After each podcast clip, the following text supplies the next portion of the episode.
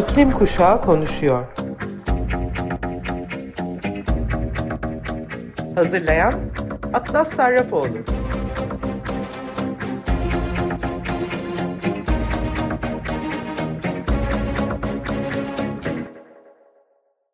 Merhaba Sayın Açık Radyo dinleyicileri. İklim Kuşağı Konuşuyor programına hepiniz hoş geldiniz.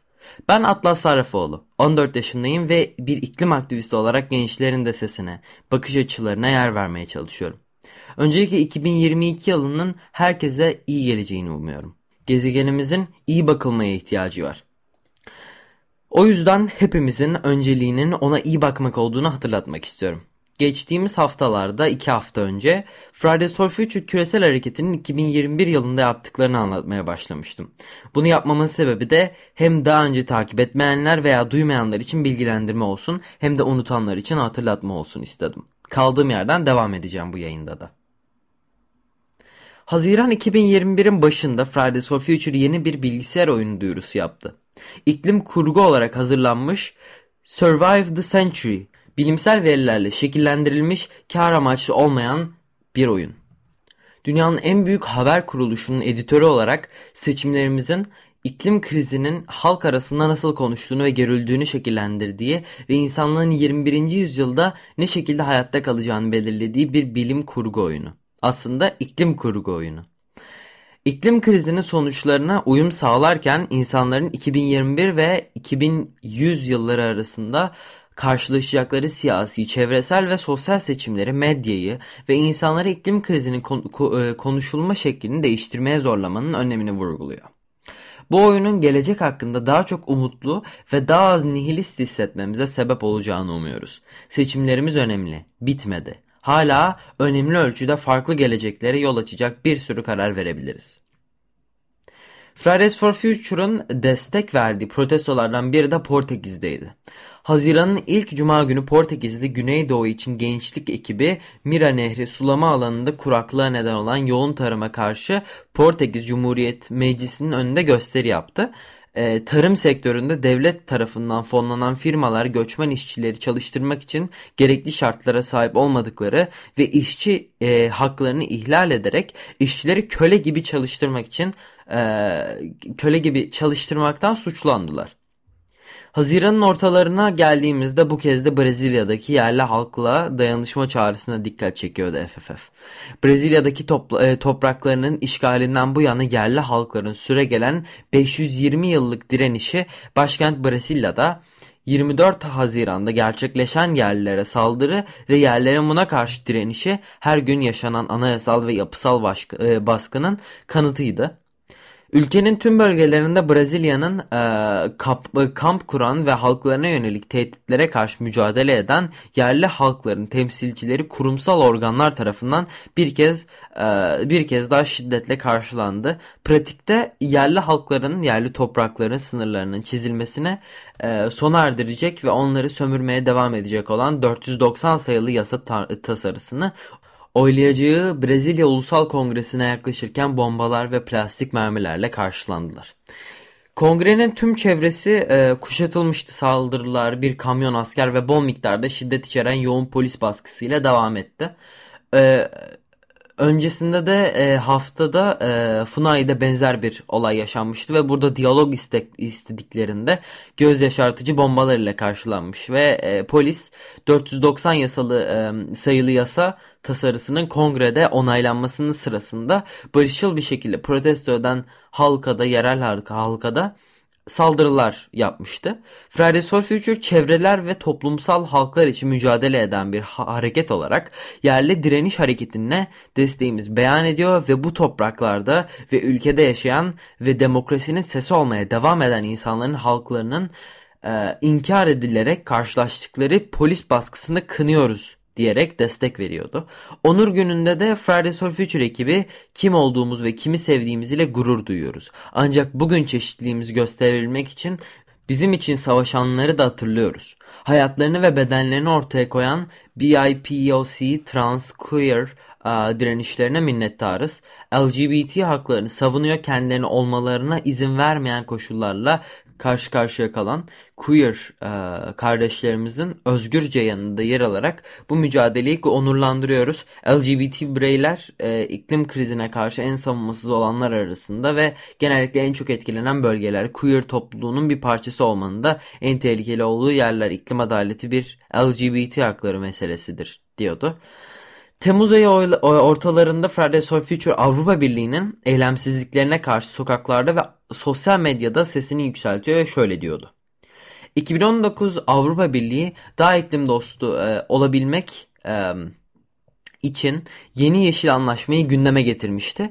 Son 9 ayda AB ekonomik açgözlülüğü koruyabilmek amacıyla içi boş politikalarıyla bu sözünün içini boşaltmayı başardı. Hem ortak tarım politikası hem de AB iklim yasası e, yeşil anlaşma ve Paris anlaşmasının hedeflerine ulaşamıyor. Müzakerelerin sona ermesiyle birlikte görünürde ciddi bir ilerleme hatta geri adım atılacağına dair bir işaret yok. AB iklim yasası 2030 için en az %80'lik bir bilimsel emisyon azaltma hedefi belirlemiyor.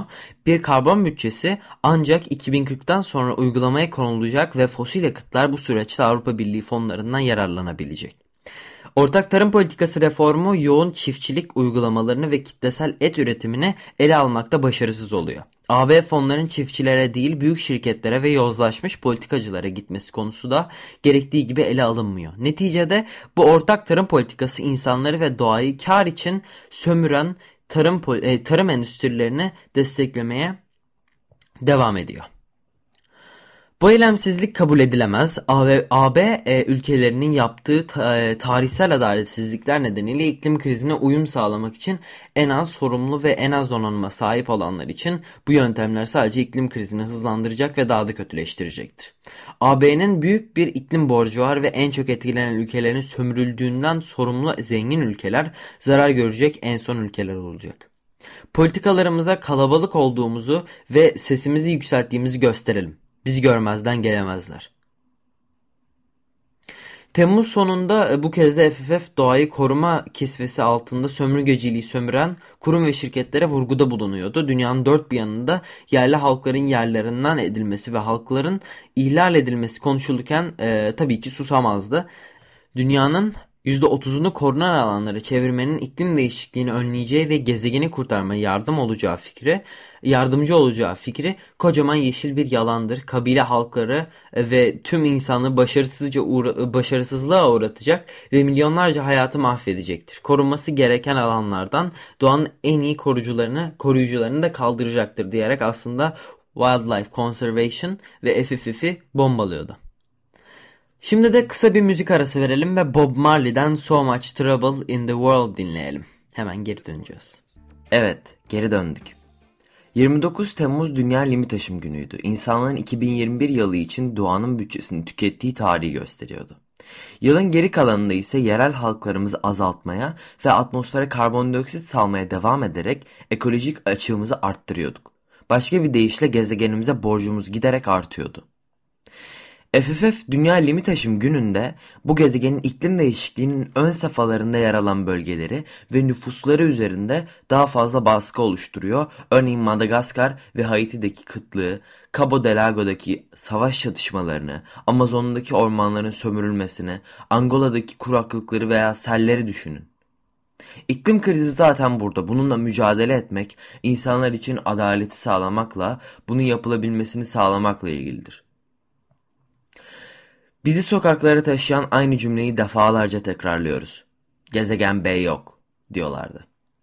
9 Ağustos'ta Hükümetler Arası İklim Değişikliği Paneli 6. Değerlendirme Döngüsü'nün ilk raporu yayınlandı. Bu aynı zamanda IPCC'nin Kasım ayındaki COP26'dan önce yayınlanan tek raporuydu. Ve durumun insan eliyle yapılmış bir kriz olduğunu açıklıyordu. Bu raporla birlikte 24 Eylül grevinin mesajı da gittikçe netleşiyordu. İklim hareketi bu durumu şöyle açıkladı. Bilim her zamankinden daha kesin. Şimdi yaptığımız seçimler geleceğimiz için karar veriyor. En son IPCC iklim raporu hükümetler ve şirketler için bir eylem çağrısı. Bizim için ise sistemi kökten değiştir çağrısıdır. 24 Eylül'de bize katılın.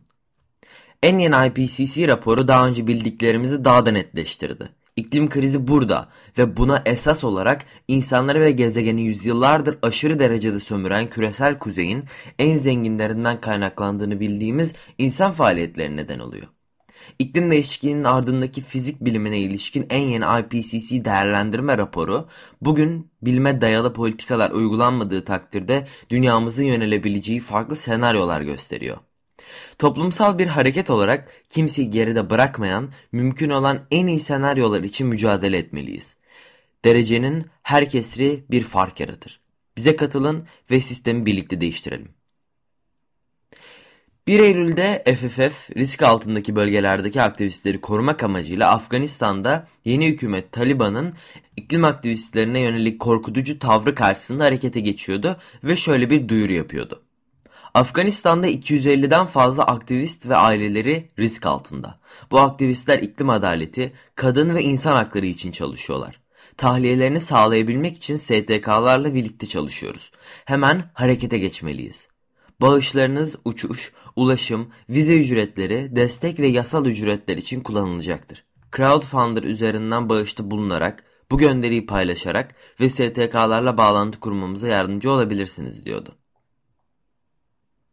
Eylül ortalarına doğru Greta Thunberg artık kendimize sormamız gerekenleri ve ne yönde ilerlemek istediğimizin kararını vermesini vermesi üzerine yaptığı konuşmada şöyle diyordu. Kararı alması gereken bizleriz. Cesur olması ve zor soruları kendimize sorması gereken bizleriz. Mesela neye değer veriyoruz? Geleceğin ve günümüzün yaşam koşullarını sağlamak için harekete geçmeye hazır mıyız? Kökten nedenin kendisinden aslında bu olayları körükleyen şeylerden bahsetmiyoruz. İktidardaki insanları sorumlu tutmuyoruz. Mevcut en iyi bilimin ne söylediğinden ve durumun şimdi nasıl göründüğünden bahsetmiyoruz. Ve özellikle politikacıların söyledikleriyle gerçekte yaptıkları arasındaki boşluktan bahsetmiyoruz. 24 Eylül'de 800 binden fazla insan 1500 farklı noktada sistemi kökünden değiştirmek için küresel iklim grevine katılarak sokaklara çıktı. Aynı gün FFF bir sonraki grev tarihinde açıkladığı duyuruda dünyanın yüzleşmeye devam ettiği çeşitli halk sağlığı, sosyopolitik ve ekonomik krizlerin ortasında iklim aktivistleri iklim krizini kökünden ele almaya çağırıyor. Bu da ırkçılık, cinsiyetçilik, yetenekçilik, sınıf eşitsizliği ve diğer adaletsizlik ve adaletsizlik sistemlerini ele almak anlamına geliyor. Baskıya devam ediyoruz. İşimiz bitmedi. Grev yapmaya devam edeceğiz ve bu 22 Ekim'de dünya liderleri üzerindeki baskıyı sürdürmenin ve somut planlar ve eylemler talep etmenin ve bu planların ve eylemlerin kimseyi geride bırakmamasını sağlamanın zamanı geldi diyordu. Ekim ayı başlarında yani yeni petrol boru hattı projesinde Afrika'nın kalbini derinden yaraladığını söyleyen FFF, Petrol fiyatlarındaki küresel düşüşe rağmen Doğu Afrika'da 1450 kilometre petrol taşıyacak büyük bir boru hattının inşası devam ediyor. Uluslararası uzmanlar 20 milyar dolarlık projenin binlerce küçük çiftçiyi yerinden edeceği ve önemli yabani yaşam alanlarını ve kıyı sularını riske atacağı konusunda uyarıyor. Diyerek büyük felaketlere sebep olacak ve boru hattının durdurulması için tekrar hatırlatma yapıyordu.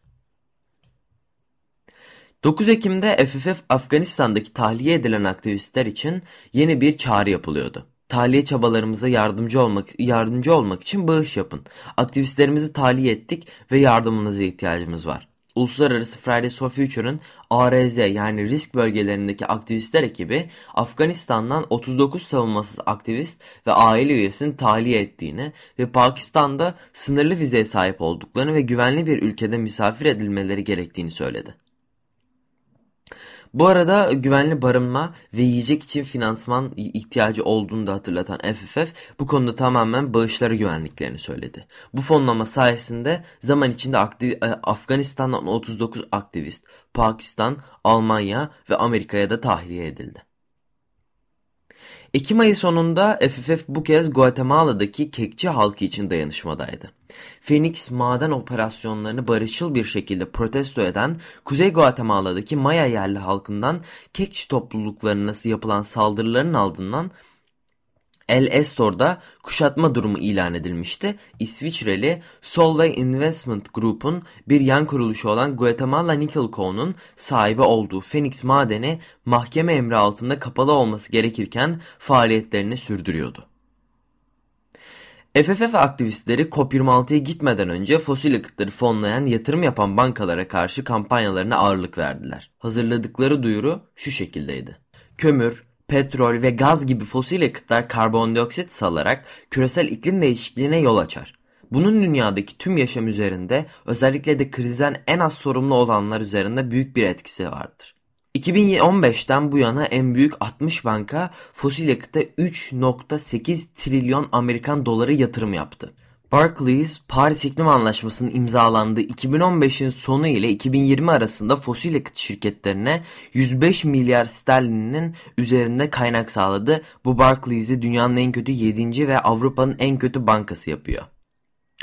HSBC fosil yakıtlara 80 milyar sterlinlik desteğiyle dünyanın en kötü 13. bankasıdır. Güneydoğu'daki e, Güneydoğu Asya'daki kömür kirliliği nedeniyle her yıl 70 bin kişinin ölebileceği tahminlerine rağmen Güneydoğu Asya'daki yeni kömür santralini finanse etmeye devam ediyor. Standard Chartered Paris Anlaşması'nın imzalanmasından bu yana fosil yakıt şirketlerine 22 milyar sterlinin üzerinde kaynak aktardı. Kömüre hayır politikasına rağmen banka iklim krizinden en kötü etkilenen bazı ülkelere projeleri olanlar e, da dahil olmak üzere kömür şirketlerini finanse etmeye devam ediyor. Yukarıdaki üçü de dahil olmak üzere bu bankaların çoğu sürdürülebilir bankalar olduklarını iddia ediyorlar ve Net Zero Bankacılık İttifakı'nın bir parçası ve 2050 yılına kadar karbon nötr taahhüdünde bulundular. Ki biliyoruz ki bu çok geç bir tarih. Ayrıca fosil finansın nasıl yükselmeye devam ettiğini ve bankaların bunu frenleyecek önemli politika değişikliklerine olmadığını görüyoruz. 23 Ekim'de iklim hareketi açısından katılımı arttırmak, eğitim ve güçlendirmek için gençlerin öncülüğünde yapılan küresel iklim konserleri Climate Live dünyanın farklı 14 ülkesinde gerçekleşti. İsveç'teki Climate Live sırasında Greta ve diğer İsveçli iklim aktivisti Andrea Magnussen Rickrolling yapıyorlardı ve Greta sahnede dans ediyordu. E, ne demişler? Dans edemediğim devrim, devrim değildir. Ve yine aynı sahnede Filipinler'den Mitsujonel Tan ülkesindeki eşitsizlikleri, iklim felaketlerini anlatan şahane bir konuşma yapıyordu. Climate Life Instagram hesapları üzerinden konserleri siz de takip edebilirsiniz. Ve Kasım e, Kasım ayının başında COP26 Glasgow'da başlıyordu. FFF aktivistleri İskoçya'nın Glasgow şehrinde COP26'ya gelmeye başladılar. İki hafta süren konferans boyunca toplantılara pandemi sebebiyle alınmayan aktivistler sokaklarda eylemlerine devam ettiler. Süper Tayfun Rai veya Filipinler'de bilinen adıyla Odette, kategori 5 etkisiyle yılın son günlerinde 375 can alırken FFF bu kez de aktivistlere ve etkilenenlere yardım için bağış kampanyasına destek veriyordu. Size FFF'in 2021'de gerçekleştirdiği etkinlikler, kampanyalar ve destekler hakkında bir özet geçmeye çalıştım. Yaptıklarından da göreceğiniz üzere iklim krizinin kesişimselliğinden ötürü aslında mücadele oldukça büyük ve geniş bir çapta. Yaşlarımızın küçük olması büyük eşitsizliklere karşı duramayacağımız anlamına gelmiyor. Ve şimdi yine Bob Marley ve The Wailers'dan One Love People Get Ready dinleyerek programı kapatıyoruz. Haftaya Cuma saat 14'te İklim Kuşağı Konuşuyor programında görüşmek üzere.